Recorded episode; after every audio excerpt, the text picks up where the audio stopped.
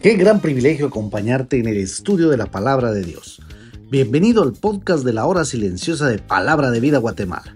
Descubriremos junto a ti los desafíos que Dios nos dará hoy a través de su palabra. Deseamos que hayas tomado un tiempo para leer con anticipación el pasaje del día de hoy.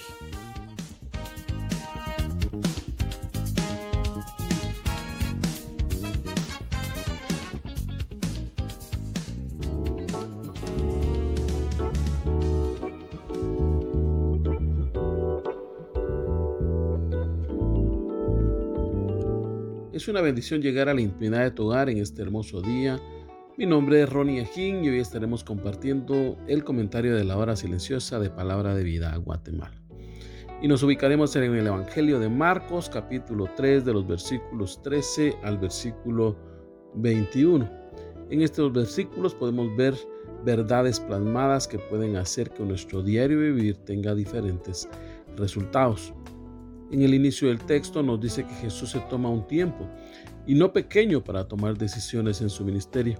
El Evangelio de Lucas amplía mucho más este texto en su capítulo 6, versículo 12, que dice, En aquellos días, él fue al monte a orar y pasó la noche orando a Dios. Qué gran ejemplo.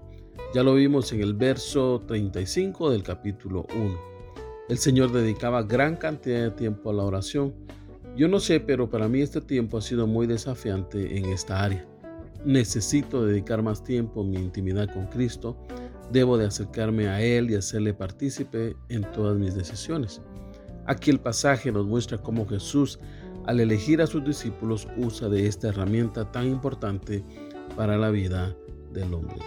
Y es que no era fácil cuando el pasaje dice que los llama, está hablando de tomar un tiempo de vida con ellos en gastar sus recursos de cualquier índole en personas, en este caso sus discípulos. Estos hombres serían utilizados para expandir la obra de Dios. ¿Cómo no podría haberse tomado un tiempo especial para orar por ellos? Tenía que prepararlos para predicar. Cuando pienso en esto, creo que hoy día yo debo de esforzarme en vivir cerca del Señor. Ya el Señor me buscó, me dio vida eterna. Bueno, entonces yo debo de vivir buscando hacer su voluntad. Dios me ha hecho su hijo, me ha dado autoridad como a ellos. Sin embargo, yo, con mi forma de vivir, muchas veces vivo una vida sin resultados que den gloria a Dios. En el libro de Efesios, Pablo nos recuerda que Dios nos bendijo con toda bendición espiritual en los lugares celestiales en Cristo. El Señor ya nos bendijo grandemente.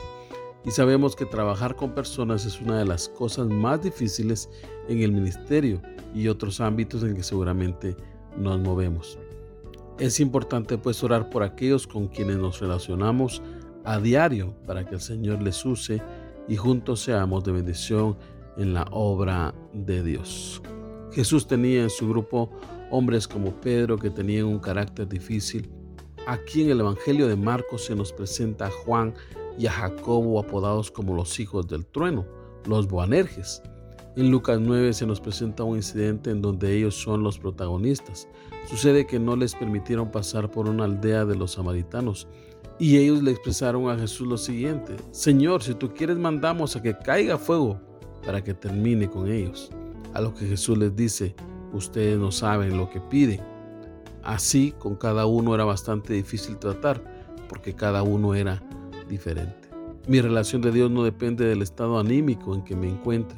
La oración debe ser necesaria en cualquier hora y en cualquier momento. El Salmo 55, 17 es un texto muy hermoso que dice, tarde y mañana y a mediodía oraré y clamaré a Él y Él oirá mi voz. ¿No te parece fantástico saber que podemos expresarle nuestros deseos y necesidades al Dios maravilloso que tenemos?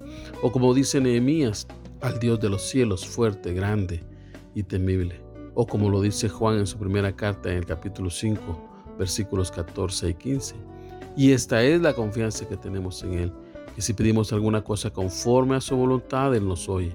Y si sabemos que Él nos oye en cualquier cosa que pidamos, sabemos que tenemos las peticiones que le hayamos hecho.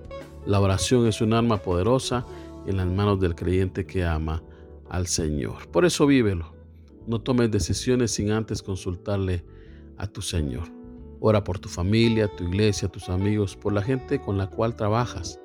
En tu oración adora al Señor, reconócele por lo que Él es, cuéntale con confianza todo lo que te sucede y por último elabora una lista de peticiones y coloca todas las necesidades que tú tengas. Recuérdanos siempre las respuestas del Señor son como nosotros las queremos recibir, pero debes de estar seguro que el Señor siempre las oirá y contestará a su debido tiempo. La oración eficaz del justo puede mucho. Que el Señor te bendiga.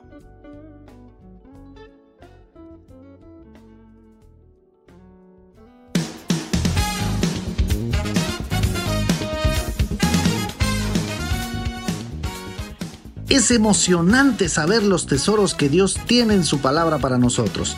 Ayuda a tus amigos a que descubran la voluntad de Dios para su vida. Comparte este podcast con ellos. No olvides seguirnos en nuestras redes sociales.